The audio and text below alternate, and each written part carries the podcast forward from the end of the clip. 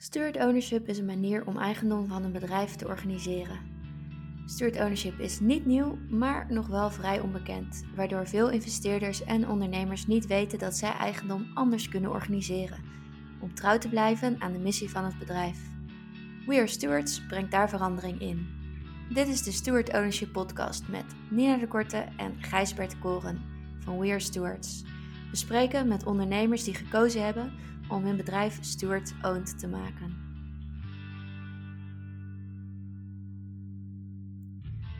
Triodos Bank is een van de eerste en grootste steward-owned bedrijven van Nederland. Triodos heeft inmiddels meer dan 700.000 rekeninghouders en filialen in vijf Europese landen.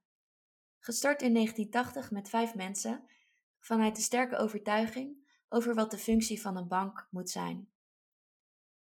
Peter Blom was al in het oprichtingsjaar betrokken. Eerst als vrijwilliger, maar er snel als medewerker kredietverlening.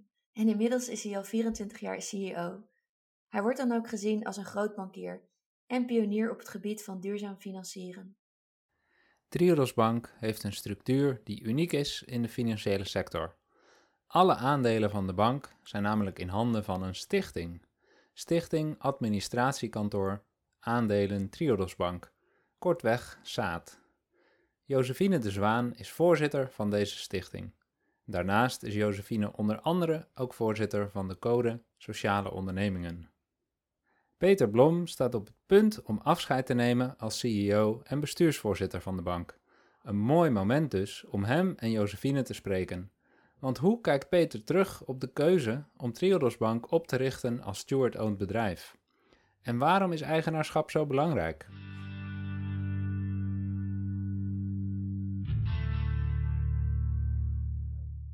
Nou, we zitten hier in het nieuwe hoofdkantoor van Triodos Bank op landgoed De Rehorst in Driebergen. En het nieuwe hoofdkantoor is misschien wel een duurzaam statement. jullie herstellen de natuur rond het kantoor en het ontwerp is ook geïnspireerd op de natuur. En het gebouw is circulair en helemaal weer uit elkaar te schroeven, zeg maar. En deze plek, uh, Landgoed de Rehorst, is ook de plek waar in 1971 de stichting Triodos Foundation werd opgericht. En negen jaar later, in 1980, werd Triodos Bank opgericht. En uh, sinds die tijd, uh, Peter, ben jij uh, betrokken in dienst. En dat is dus al meer dan 40 jaar. Tja, Tja. een lange tijd. Ehm, maar niet lang meer, want je gaat binnenkort met pensioen. En we zijn heel blij dat we je nog kunnen spreken als directeur van Triodos Bank, want we zijn dus net op tijd. Um, en we waren ten eerste benieuwd, waarom is Triodos Bank opgericht? Wat was de reden dat jullie dachten in 1980, er moet een nieuwe bank komen en wel de Triodos Bank? Ja, het is nog wel interessant gegeven dat het uh, de eerste bank was sinds de Tweede Wereldoorlog die weer is opgericht. Daarvoor was dat niet gebeurd. Uh, dus de Nederlandse bank moest allerlei archiefonderzoek doen om nog weer eens na te gaan wat de voorwaarden waren voor het opzicht, oprichten van een bank. Toen bleek dat vooral het kapitaal heel beperkt was wat je nodig had. 500.000 gulden. Dus dat valt voor een bank best mee. Inmiddels is dat allemaal veel hoger geworden, zoals je begrijpt. De reden was om de bank op te richten om in de financiële wereld te laten zien dat je op basis van eh, principes van oriëntatie op mensen, oriëntatie op de planeet, op duurzaamheid zouden we tegenwoordig zeggen, dat je daar een bank op kan draaien. Dat je Hmm. dat mee kan nemen in de beoordeling van projecten, in de beoordeling van financieringen en dat je daar dus een bankinstelling op kan realiseren. Nou is de naam bankinstelling heeft voordelen, hè? dus je kan het ook zonder dat te doen, zonder dat je een bank bent, maar als bank kan je ook spaargeld aantrekken. Dat kan je als gewone instelling niet. Dus daarvoor was ook die licentie nodig. Uh, toen viel het nog allemaal mee met de regelgeving die je als bank over je heen kreeg. Tegenwoordig is dat vrij stevig. Maar op die manier konden we dus spaargeld aan gaan trekken. En konden we met dat spaargeld kredieten gaan verstrekken aan maatschappij, vernieuwende ondernemingen, zoals dat toen heette. En waren die er? Was er bij ondernemers vraag naar financiering voor dat soort initiatieven? Ja, ik denk er was heel veel vraag, want uh, je had toen nog veel meer de splitsing tussen de gewone economie, het gewone bedrijfsleven en het alternatieve. En de alternatieven waren echt alternatief. Dat zou je vandaag ook weer alternatief noemen, zelfs als je in de gewone duurzame beweging zit. En die alternatieve initiatieven die kregen gewoon geen geld van de banken. Die wisten niet, konden dat ook niet zo goed presenteren, waren vaak heel klein. Maar wel in de kern hele interessante nieuwe zaadjes die tot bloei zijn gekomen, veel van hen. Uh, dus daar was echt wel een brug te slaan. Vanuit de financiële wereld naar die alternatieve projecten en initiatieven. En dat, nou, die brugfunctie heeft Triodos uh, vervuld. Die, die zat en in de gewone wereld van banken, gereguleerd, ervaren mensen. En die had ook een oog voor de alternatieven die daar waren. En iets in wat je zegt doet me ook denken dat je, dat je dan vanuit de Triodos Bank een visie hebt op wat, wat geld kan doen en wat de rol van geld is in onze maatschappij. Ja, er is natuurlijk veel te zeggen over de rol van geld. Uh, geld is, uh, veel mensen zien het als iets neutraals. En dat is het in zekere zin ook, maar mensen kunnen er kleur aan geven. We hebben niet voor niks ons berichtenblad heeft, heet de kleur van geld. Je kan er echt kleur aan geven en zorgen dat het bijvoorbeeld ervoor zorgt als je het als schenking geeft aan iemand. Uh, iets wat vrij ongebruikelijk is, hè, om dat aan een bank te associëren dat je iemand het in volle vrijheid kan gebruiken en meestal de meest productieve dingen ermee kan doen. Hmm. Je kan het als lening verstrekken. Uh, je kan er ook transacties mee afwikkelen. In vele, in vele opzichten geef je dan kleur aan het geld.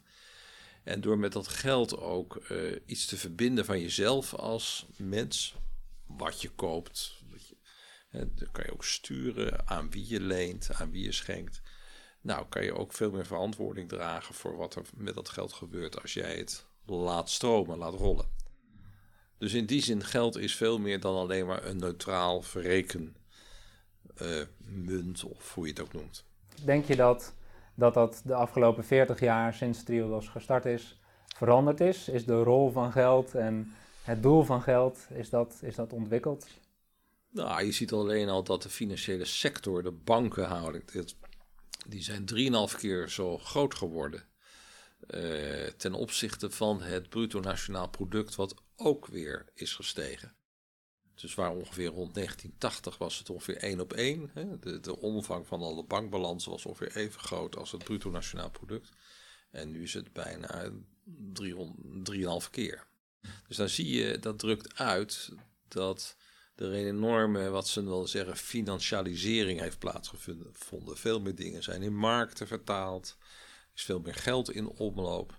En dat betekent dat uh, het hele belang van geld en wat geld stuurt, goed of slecht, de impact die het heeft, dat dat allemaal veel groter is geworden. En ook de belangstelling daarvoor veel groter is geworden. Dus in die zin kijken veel meer mensen naar banken als ja, dat is eigenlijk sinds de financiële crisis vooral als banken als instrumenten om ook dingen goed te doen of slecht te doen. En voelen zich daardoor ook wel bedreigd of zien het ook wel als kans. Dus 30 jaar voor de financiële crisis ongeveer, toen de Triodos Bank van start ging. Ja, toen maakten jullie eigenlijk een antwoord wat door die financiële crisis nog, eh, nog uh, ja, je zou het meer zo kunnen zeggen. Wij lieten vanaf 1980 zien dat je ook zaken kan financieren die gebruikelijk niet bankair financierbaar zijn. Hmm. Door naar andere zaken te kijken van hoe een organisatie, uh, wie daarbij betrokken zijn, wat de maatschappelijke idealen zijn, wat voor relaties ze met hun klanten hebben, wat voor producten ze verkopen. Proberen oog te hebben voor andere waardecreaties uh, dan, uh, dan bij het gangbare bedrijf ik denk sinds de financiële crisis is de aandacht ook heel erg gericht op de bank zelf. Hoe organiseer je een bank? Dat was eigenlijk tot 2010, 2011 werd dat als een, nou, een bank is een bank, ja. is een bank. ja, uh, dat was het. En nou, toen merkten we ineens dat we ervoor moesten gaan betalen via de belastingen. En toen was er ook veel meer belangstelling van hoe doe je dat dan? En waarom is die bank wel geraakt en die andere bank niet? Hmm. En dat heeft de bank zelf, ook Triodos Bank, heeft toen enorm veel uh, ja, spaarders die naar ons wilden overstappen gekregen. En ook heel veel programma's die, waar we moesten uitleggen waarom wij geen derivaten hadden, waarom wij niet in producten zaten die eigenlijk niet konden. Nou, hmm. dat was denk ik een hele belangrijke nieuwe fase in de ontwikkeling van de bank. Ja. ja, want jullie hebben je heel anders georganiseerd. Jullie hebben besloten in 1980 dat de bank steward-owned werd. De bank kwam in handen van een stichting de, de, stichting werd dus eigenaar van de bank. Waarom besloten jullie dat te doen? Hoe kwamen jullie daarbij? Was dat, was er een voorbeeld dat jullie konden volgen? Dat was, het is nu atypisch, maar toen was het ook atypisch. Ja, ik kan natuurlijk niet zeggen over precies wat er in 1980 gebeurde. Ik heb wel het genoegen gehad om te mogen spreken met een aantal mensen die daarbij betrokken waren. En dan kan je die twee richtingen. De ene richting is, het was niet zo bijzonder, Hmm. deze structuur in Nederland. Het, een stichting waar de aandelen door beheerd worden, is in Nederland al heel erg lang, nou, zou je kunnen zeggen, gebruik. Dat is de ene kant. De andere kant is dat er ook wel iets nieuws ingebracht werd. Namelijk dat deze stichting niet alleen de onafhankelijkheid van de bank in technische zin te bewaken had, maar daarbij ook de onafhankelijkheid in de zin van het gedachtegoed echt permanent op de agenda heeft Hmm. staan. Dus daar is een nieuw element aan toegevoegd. Ja. En ik ga jullie ook een beetje uitdagen. Want jij zegt de stichting is eigenaar van de bank. En de Hmm. stichting zegt de bank is van zichzelf. Ja. Wij beheren alleen maar de aandelen. ja. En daarmee is dus eigenlijk de bank, de onderneming en de mensen die daar werken en allen die daarmee verbonden zijn, de klanten, de medewerkers, de investeerders en natuurlijk ook de certificaathouders, die zijn allemaal een gemeenschap. Maar de onderneming uiteindelijk brengt in de praktijk wat die gemeenschap wil realiseren. En betekent dat, ehm, als ik het plat probeer te slaan, betekent dat in de praktijk dat de stichting niet een aandeelhouder is die zegt, nu willen we dat en nu willen we zo, maar dat de stichting eigenlijk dat aan- bij de bank laat om dat te bepalen? Het initiatief van waar de bank naartoe wil, hè, dus de strategie van de bank, ligt echt bij de bank. Ja, ja. Wat wij als stichting doen, is daar altijd achteraf aan de hand van de jaarstukken toch op een positief, kritische, uitdagende en ik zou willen zeggen bijna lonkende manier af en toe eh, een opinie over geven. Hmm. En tegelijkertijd willen we natuurlijk met de bank permanent in gesprek zijn over wat speelt zich af in de wereld en wat betekent dat nou voor de bank en hoe zou de bank daarin een rol willen spelen en hoe kan de bank daarin een rol spelen. Dus dat is meer op een abstract niveau, zoals wij dat noemen, engagement en ook weer positief proberen uit te dagen. Is er, is er wel eens een fase geweest de afgelopen 40 jaar dat dat zoeken is van hoe moet je nou ja, van jezelf zijn en, en wie bepaalt er dan wat er gebeurt? Eh, kunnen jullie daar iets over delen? Ja, het is, eh, het is een constante struggeling van de georganiseerde dialoog. Hè? Eh, het is niet, eh, het is natuurlijk heel veel in, in governance land van je moet je eigen tegenmacht organiseren. En naar mijn idee komt dat van een soort vervormd marktdenken van waardecreatie door strijd. Hè? De beste overwint, het oude Darwinistische, niet goed geïnterpreteerde eh, eh, model. En het ander is veel meer gebaseerd op wederzijdse samenwerking. Daar is ook iemand in de geschiedenis die daar heel erg voor staat. Dat was Kropotkin. De anarchist Kropotkin die zei... wederzijdse hulp is eigenlijk het echte principe in de natuur... en niet de strijd om het bestaan zoals Darwin dat, eh, dat, dat bracht. En daar zie je dus ook heel in de geschiedenis stromingen ontstaan... die anders kijken naar ondernemingen, wat er gebeurt. En gebeurde dat in die tijd, in de jaren 70, 80, gebeurde dat meer? Waren er andere ondernemingen die eigenlijk ook vanuit die stroming bezig waren? Ik denk dat dat zo is, maar dat het nog heel erg eh, een beetje primitief was. Hmm. En heel erg zich afzetten tegen wat er vele tientallen jaren al gebeurde. En ik denk dat er toen eerst wel een beweging is gekomen in de jaren 70, 80 die dat sterker maakte. En toen is als tegenbeweging daartegen weer het neoliberalisme gekomen in de jaren 90. Die heeft dat weer voor een stuk naar de marktkant geduwd. En ik denk dat we nu in de laatste tien jaar, nu we ons realiseren dat er een klimaatprobleem is, dat er social inclusion vraagstukken zijn, dat we ook niet meer eeuwig de tijd hebben om eh, een beetje aan te rommelen, dat nu weer die andere kant sterker wordt. Dus je ziet een, een beweging die heen en weer gaat. Ja. En wat je hoopt natuurlijk is dat je op een hoger niveau nu komt. Dus dat je wel zorgt dat dit beklijft en dat we niet weer terugvallen in een, in een neoliberale benadering. Die denk ik gewoon te veel eh, ja, eh, energie eh, verliest. Ik bedoel, het is, je bent zo bezig met allerlei dingen om te concurreren dat met de beperkte natuur die we nog hebben. En, en de mensen die gewoon ook allemaal redelijk uitgeput raken door die race van het neoliberalisme. Dat moet je niet meer willen doen. Je moet naar een ander niveau komen waar je veel efficiënter en effectiever ook met die krachten omgaat. En we hebben niet meer eeuwig de tijd. Nee. Misschien wel veel minder dan een eeuw. Ja, ehm, ik denk zelfs, ik denk dat het is meer decennia dat we echt dingen moeten veranderen. Niet, niet meer. Mijn, mijn perspectief is nu tien jaar. Dus hmm. Ik krijg nu veel vragen van mensen. Goh, je hebt 40 jaar hier gewerkt. Wat zie je voor de volgende 40 jaar? En ik ga constant zeggen, 40 jaar is veel te ver weg. Het gaat om de komende 10 jaar. Jullie zijn als Triodosbank vaak heel uitnodigend. Je bent welkom om je aan te sluiten. Het is niet verplicht. Uh, het is heel aanlokkelijk, aantrekkelijk. Iedereen mag erbij komen die wil. Um, en er bekruipt me soms wel het gevoel dat er iemand moet komen die op de tafel slaat en zegt van... en ja, je moet je nu de komende tien jaar aansluiten. Dat is voor ons allemaal nodig. Misschien niet per se bij de Triodosbank, maar ik bedoel te zeggen... Nou is, er een, is er een rol om, om op tafel te slaan voor de Triodosbank de komende tien jaar, denk je? Ja, dat is nou op het niveau van de, van de tactiek. Hè? Wat is nou je beste ja, wat is de manier? Goed punt. En daar, en daar moet je gewoon goed kijken van wat is voor een bank een goede tactiek en wat is voor een NGO een goede tactiek. Een, een NGO die niet op de tafel slaat, ja, die kan beter een bedrijf worden.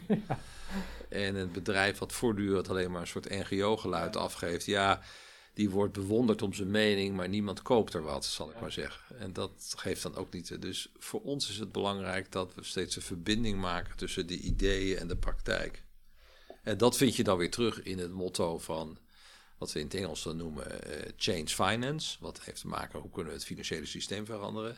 En finance change. Hoe kunnen we projecten financieren. En die verbinding voortdurend, wat is er nodig op systeemniveau om dat anderen te bevorderen.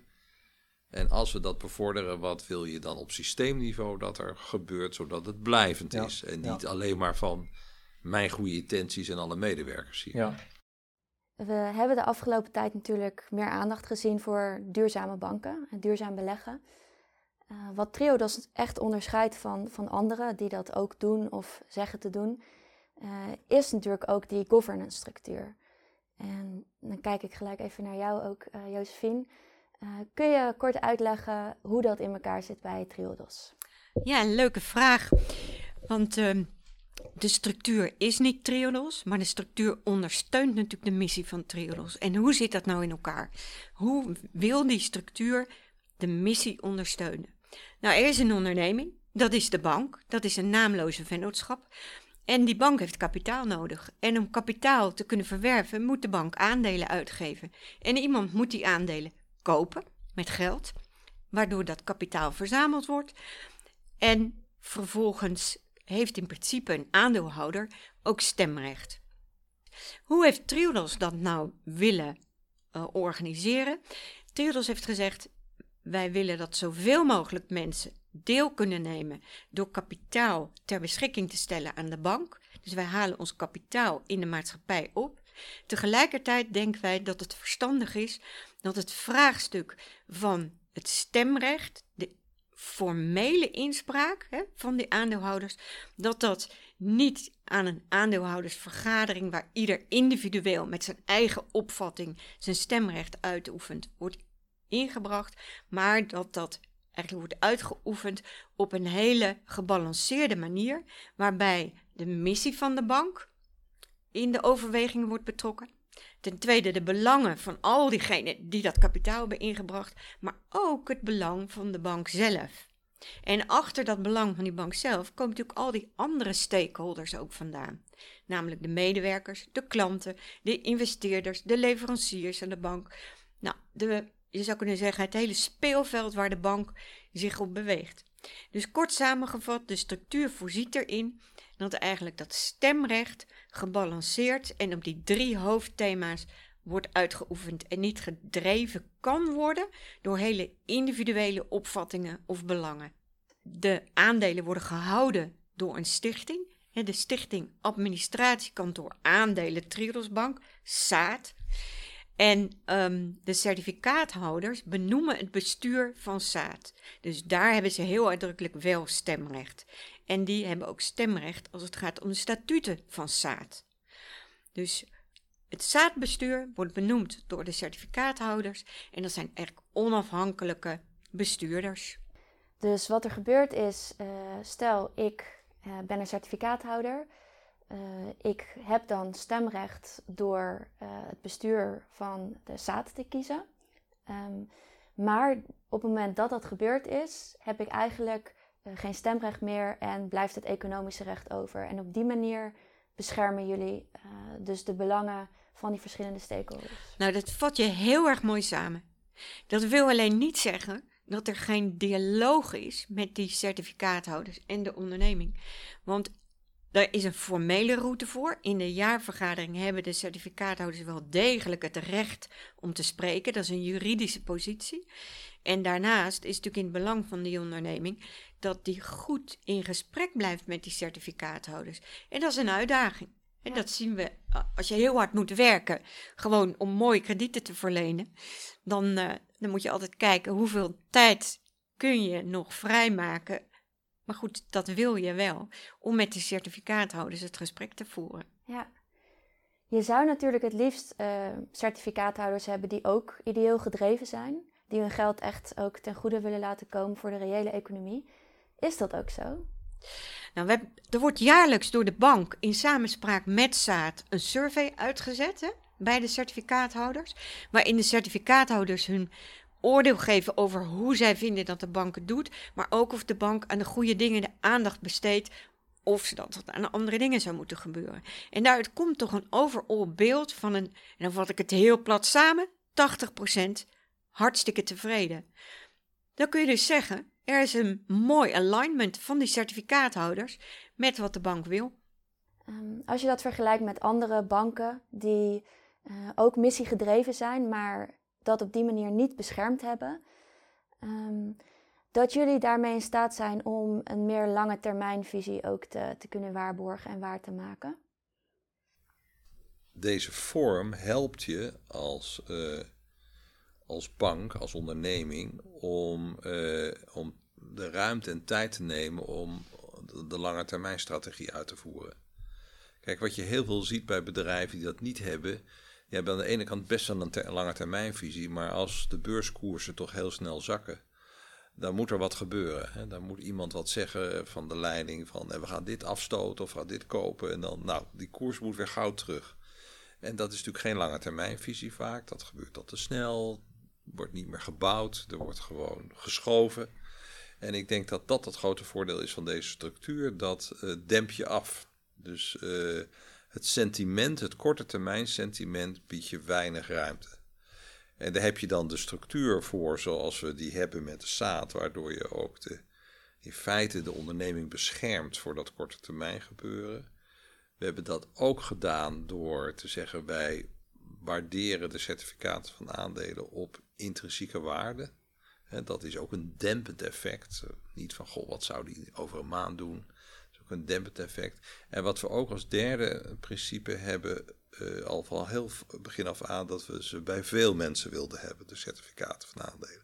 We hebben 45.000 uh, certificaathouders. En dat, daar ben ik ongelooflijk trots op, dat dat er niet 10 of 20 zijn. Want dan heb je een heel ander soort discussie.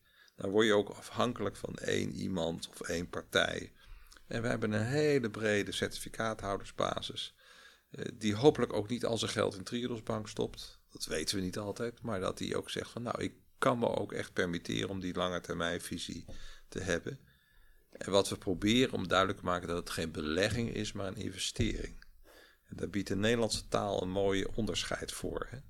Beleggen is voor ergens instappen en weer uitstappen, weer instappen, uitstappen. Investeren is iets met een gevoel, ik kan het missen. Ik moet het niet ineens terug hebben. Uh, en ik kan een lange termijn perspectief kan ik me met een onderneming ver verbinden. Nou, dat zijn wel belangrijke aspecten die we ook proberen uit te dragen, uit te leggen aan mensen voordat ze bij ons instappen. Het gaat om een lange termijn relatie. En daar heb je dus allemaal instrumenten voor en praktijk die je organiseert die dat ondersteunt. Het is ook niet één ding, het zijn een aantal dingen samen. Ja, en daar hebben wij wel, denk ik, uh, zijn we ook wel de oprichters behoorlijk dankbaar voor dat die dat toen goed hebben gezien. Ja. Uh, en uh, de alternatief was geweest een coöperatie. Hè. Een coöperatie heeft ook heel veel van die elementen. Maar de oprichters vonden destijds, die zeiden een coöperatie is toch meer uh, van de leden voor de leden. En zij zeggen het moet ook zeg maar van de leden voor de samenleving zijn. En daar paste een ja, je structuur. behartigt meer belangen dan alleen je eigen. Zo is het. En daar hadden we het gevoel, men had het gevoel, ik kwam er toen net bij als jonkie, maar dat hoorde ik vaak. Dit is het belang van een groter belang en daar past het verder bij. En we hadden best wel heel veel van value-based banken in Europa en in Amerika, dat zijn coöperaties. Dus een logische stap is best wel dat je naar een coöperatie gaat. En een, je kan een coöperatie ook best zo inrichten dat het wel degelijk die bredere uitstraling heeft. Maar in die tijd was een coöperatie toch echt iets van met elkaar sterk. Eigenlijk eh, misschien een vorm van ouderwetse verzuiling.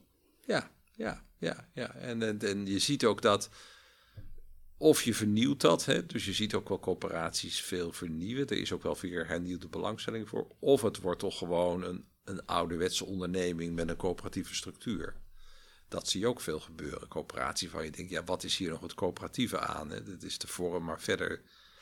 Dus governance staat nooit op zichzelf. Governance is ook altijd omgeven door een cultuur, door een identiteit, door hoe je naar dingen kijkt. En, en dat, is, dat is zeker zo belangrijk. Ook voor Triodos, om dat steeds weer op te frissen, steeds weer opnieuw te bekijken, zitten we met de, zijn we met de goede dingen bezig Ja. in deze structuur. Mooi. Ehm, als bestuurder eh, heb je, nou, het is misschien wel goed om te zeggen, we hebben meerdere interviews gehad hè, met steward-owned bedrijven. En een woord wat we vaak horen is eh, vrijheid. Dus eh, ondernemers zeggen van ja, door, ik heb nu de vrijheid om meer lange termijn te denken en ik voel niet die hete adem van, van de aandeelhouders in mijn nek. Eh, heb jij dat ook ervaren? Dat je eigenlijk een, ten opzichte van je collega-bankiers een, een vrijere functie hebt om, om je geld te investeren in plaats van dus dat kortere termijn beleggen? Ja, wat ik zo terug heb gehoord, eh, is dat wel zo. En, en ik heb ook vaak van eh, collega's, CEO's gehoord van banken die beursgenoteerd waren. eh, het is geen voordeel geweest dat we dat hebben gedaan. Dus die voelen dan toch, eh, hè, er wordt zo vaak gezegd van nou, het is ook maar een vorm. Maar vervolgens voelen ze dan toch dat het een invloed gaat hebben op de cultuur, dat die kortademigheid helemaal in de organisatie gaat zitten. Eerlijk gezegd is het probleem vaak niet zozeer de externe aandeelhouder die van alles en nog wat wil, maar eh, de hele regelgeving daaromheen en de in- invloed op de cultuur binnen een instelling, binnen een bank, die is enorm. Dus er wordt veel meer gekeken naar koersen. Ook al vraagt die aandeelhouder dat misschien helemaal niet, maar het komt in een organisatie als een fenomeen naar boven en dat, en dat heeft gevolgen. Dus de kortademigheid, die, is, eh, die kan je niet zo toewijzen aan die belegger of zo. Dat is ook gewoon hoe je het dan organiseert, Nou wordt ja, kortademig. Het is natuurlijk ook heel vaak zo dat topmannen eh, zelf ook aandeelhouder zijn. Ja. Dus die worden wat dat betreft Ja. in hetzelfde rijtje gezet. En behartigen dus ook hun eigen belangen daarmee. Ja, en dat is wij nooit ge- gedaan, nooit willen doen. Eh, omdat je precies dat effect hebt dat je dan voor het leiding geven aan een onderneming met meerdere stakeholders, word jij wel heel erg in één stakeholderkamp al geduwd. Dat is natuurlijk ook precies de bedoeling van die aandeelhouders. Dat je dan ook zo gaat handelen en regeren. Maar het gaat verder. Het gaat door een hele organisatie heen. Hè? Want het is niet alleen de leiding, maar ook medewerkers. En ik denk de kracht is als je dat niet doet, eh, dat dat, eh, nou, dat toch veel meer ruimte biedt voor die lange termijn. Een nieuw initiatief waar Triodos Bank bij betrokken is, heet Aardpeer. En Aardpeer gaat eigenlijk over ehm steward-owned eigenaarschap van grond. Kan je daar iets over vertellen? Maar kijk, wat je daar ziet is dat eh, met het steeds meer geld in omloop komende en een planeet die is wat die is, met landbouwgrond die is wat die is, dat dat natuurlijk tot een enorme stijging van prijzen leidt. Dus dat geld dat gaat vaak in de assets zitten, zoals ze zeggen. En die assets, die asset-inflatie is niet de gewone inflatie. Even een beetje monetaire economie. ECB die wil natuurlijk veel geld in de economie stoppen, dat die gaande blijft. Waar gaat dat geld heen? Die gaat vooral in assets zitten. Aandelen, huizen, grond. En die stijgen maar in waarde en waarde waarde. Nou kan dat in heel veel situaties, eh, dat heeft een paar heel negatieve effecten. Eén negatief effect is in de haves en de not-haves. Als je een huis hebt, dan eh, gaat het goed. Als je er niet één hebt, dan heb je een steeds groter probleem. Maar je ziet het ook wel bij landbouw, met name bij landbouw, dat die grondprijzen zo omhoog gaan. Dat eh, boeren met die grondprijzen niet meer op een duurzame manier kunnen produceren. Nou, wat heeft Aardpeer nou gedaan? Die heeft gezegd: wij willen een pacht of een vergoeding eh, hebben voor het feit dat wij grond ter beschikking stellen die rekening houdt met duurzame bewerking van de, van de grond. Ja, dus het, het is niet zo van, goh, het is eh 100.000 euro per hectare waard en dus moet je dit betalen, maar deze grond, daar kan zoveel voor betaald worden en dan is er een inkomen voor de boer. Dan zijn er redelijke producten en dan kan het ook nog op een milieuvriendelijke manier. Ja, Dus dat is een ander principe. Daarmee haal je veel meer het principe van de echte waardecreatie naar voren. En ga je die speculatieve waarde, die haal je eruit. Nou, dat is dus een product wat, eh, wat ontwikkeld is. En nou, daar is nu een eerste emissie geweest. Dat, ik geloof dat het zo'n 6, 7 miljoen is opgehaald. Best succesvol. En dat zien wij ook als Triodosbank als iets wat ook het hele vraagstuk van de landbouw kan helpen. Want het is leuk om naar die boerenprotesten te kijken. En inderdaad, die boeren hebben het zwaar. Maar ze worden natuurlijk veel meer geholpen met goede prijzen voor hun producten en betaalbare grond. Zodat je ook de eisen kan stellen van jongens, minder stikstof, meer, meer dat. Nou, dat, dat systeemaspect van landbouw, dat moet veel meer naar voren worden gebracht. En moet weer vertaald worden in beleggingsproducten, in nou, prijzen van goederen, enzovoort, enzovoort. Dus het is steeds weer die wisselwerking tussen systeemniveau en de dagdagelijkse economische praktijk. Dus een ander project wat ook door ons behoorlijk is aangestoten is de taxonomie van groen en niet groen. Hè? Dus om, om greenwashing te voorkomen, wat nu een Europese wetgeving aan het worden is, met heel veel gedoe. Maar het gebeurt wel. En het is ongelooflijk wat voor impact dat kan hebben. Ik bedoel, het zijn grote zaken, grote dingen. Dus er kan ook heel veel met belangen gekeken worden hoe je daar weer omheen kan. Nou, ik weet niet of jullie het recent gevolgd hebben, maar er was ineens een hele lobby die zei dat nucleair en, en gas, dat is ook groen. Nou, daar hebben wij weer fors tegen in met allerlei NGO's en gelukkig is het nu weer eruit. Maar dat zijn de grote vragen. En dan zeg je van ja, is dat nou een taak van Triodosbanken? Ja, dat is ook een taak van ons. Omdat dat weer terugbrengt. Hè? Dat, dat maakt weer mogelijk dat we met elkaar in de samenleving stappen gaan zetten naar echte verduurzaming. Dus zo werkt het. Toen dat bekend werd gemaakt hè, van die, die taxonomie, toen zag je ook dat de waarde van die bonds eh, enorm gestegen is. Uh, dus je ziet nu dat een hele grote andere groep beleggers daar ook op zit. En dat zijn niet per se impactbeleggers, maar die zien gewoon, nou ja, dat is dus, die speculeren dat het omhoog gaat. Hoe gaan jullie daarmee om? Of is het zoiets van, nou, fine, join the club en hoe meer geld, hoe beter? Of hebben jullie dan ook zoiets van, ja, dan wordt het dus ook het groene gedeelte wordt speculatief? Alleen het feit dat je duurzaam gaat beleggen, maar alle andere structuren blijven hetzelfde, is niet echt blijvende vernieuwing. Dus het is goed dat je dat doet, maar je moet ook proberen om nieuwe vormen te vinden. Die, en, en daar komen we weer bij jullie uh, punt van uh, uh, steward ownership. Dat, dat ik denk, daar moet het heen, want anders verandert het niet echt. En dan is een tactische, strategische vraag: moet je dan daarom maar wachten tot alles goed ingeregeld is en het dan doen? En wij zijn geneigd van, nou, wij hebben die holistische blik op dit soort vraagstukken. Laten wij nou ook gewoon meedoen in dat spel. En ook heel duidelijk blijven roepen van, jongens, dit is een eerste stap. Het is een ingrediënt van wat er moet gebeuren. Maar er moet nog veel meer gebeuren. Inclusief uh, hoe het eigenaarschap van een onderneming in elkaar zit.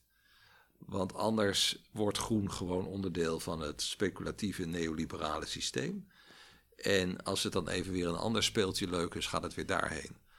Maar als we een heel andere zeg maar, ecosysteem creëren, en dat is veel meer dan alleen eh, groen geld, dan, dan gaat het veranderen.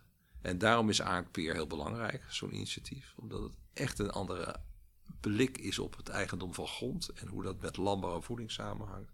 Dat is waarom wij ook gestructureerd zijn zoals we zijn.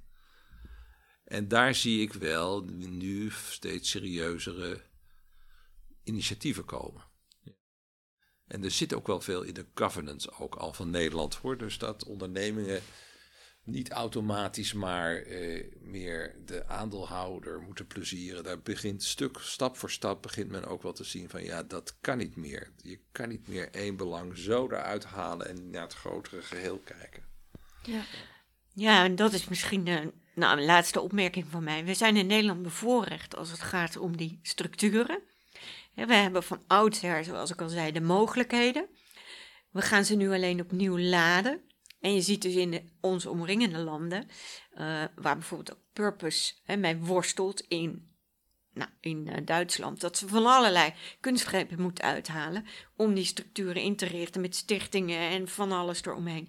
En wij hebben gewoon de structuren voorhanden.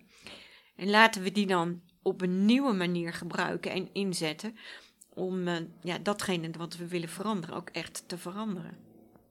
Nou, super. Ik, uh, ik vond dit een heel mooie laatste zin. Dus ik wil jullie enorm bedanken voor dit gesprek. Het was, uh, het was een eer om, om bij jullie te zijn. Ik heb nog wel één laatste vraag die uh, wel of niet in de podcast terechtkomt. Wat zien jullie als onze uitdaging van, van Gijsbert en van mij? Om, wat zouden jullie ons als advies geven? Ja, ik denk dat je heel goed moet uitleggen aan mensen dat een andere eigendomsvorm, dat dat ondernemerschap sterker maakt. Ik denk dat heel veel mensen geloven van anderen gaan nou bepalen hoe ik moet ondernemen. En er is iets aan ondernemen van een individuele, creatieve, scheppende kracht die je niet moet frustreren. En tegelijkertijd moet het ondernemen uh, van uh, de lagere uh, ego-regionen naar de hogere op kunnen stijgen. En daarvoor is een andere structuur nodig. De lage is van what's in it for me. En het moet worden what's in, in it for us. En daar heb je social entrepreneurship bij nodig. In de goede zin van het woord, maar wel entrepreneurship. Ik denk het grote bedreiging is dat dat ondernemerschap niet meer een plek heeft of niet meer wordt gewaardeerd voor de creatieve kracht. En daar hoort een stuk vrijheid bij, maar daar hoort ook een verantwoordelijkheid van de ondernemer bij om steeds meer te kijken van kan ik dat in de context doen? Ik kan ik er gewoon echt een ja, tevredenheid aan ontlenen voor mezelf, een bevrediging aan ontlenen, dat ik dat ook echt bewust voor anderen doe. En daar heb je wel aansluitingspunten met ondernemers. Onderne een echte ondernemer doet het uiteindelijk niet alleen voor zichzelf. Dat is mijn ervaring. Maar de maatschappij en onze denkbeelden en vooral de wetenschap en de economie, die hebben hem wijs gemaakt dat hij iets voor zichzelf uh, moet doen. En dat is iets waar jullie kunnen helpen. Je dat echt ondernemerschap is, dat je het voor de ander doet. He, zoals iemand mij ooit eens zei, de oprichters van Triodos, de noden van anderen tot motief van je eigen handelen maken. Dat is sociaal ondernemerschap. Dat vond ik zo mooi, dat je echt de, nood van de ander, zoals op een veel dieper niveau dan wat kan ik verdienen aan een ander. Ja, en dat, dat als je die nood ziet, dat een echte ondernemer snapt dat onmiddellijk. Die zegt, ja, nee, maar zo, zo zit ik er ook in. Ja, wat mijn tip is, um, er zijn heel veel ondernemers die echt iets voor de ander willen betekenen. En jullie ontmoeten die mensen. En jullie helpen die mensen om hun ondernemerschap te faciliteren door structuren en processen die uiteindelijk dat ondernemerschap ten dienste van de ander mogelijk maken. Maar zelfs in dat proces, pas op dat je de structuur niet een doel op zich laat zijn. En dat uiteindelijk de vraag of het gaat werken hangt heel erg samen of de mensen in staat zijn om met elkaar het goede gesprek te voeren. Dus het een kan niet zonder het ander. Het ondernemerschap kan niet zonder structuur. De structuur kan niet zonder mensen die het goede gesprek voeren. En de manier waarop jullie hier het gesprek met ons voeren, geeft mij heel veel vertrouwen dat jullie mensen kunnen helpen om dat gesprek ook met nou, hun aandeelhouders of met anderen te voeren.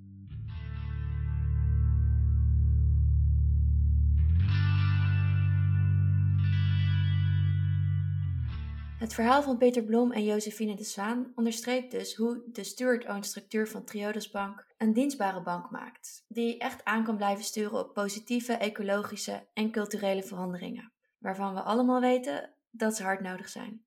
De bank speelt al decennia een grote rol in het financieren van duurzame transities. En het succes van Triodos Bank is voor ons wel het bewijs dat we in Nederland dus een vruchtbare bodem hebben voor steward-owned bedrijven om echt uit te groeien tot een succesvolle speler in de markt. Je luisterde naar de Steward Ownership podcast met Nina de Korte en Gijsbert Koren. Wil je meer weten over steward ownership? Ga dan naar wearestewards.nl of luister naar onze volgende podcast. En wil jij misschien iets vragen aan een ondernemer die zijn of haar bedrijf steward owned heeft gemaakt? Laat het ons weten. En misschien stellen we jouw vraag wel in de volgende podcast-uitzending.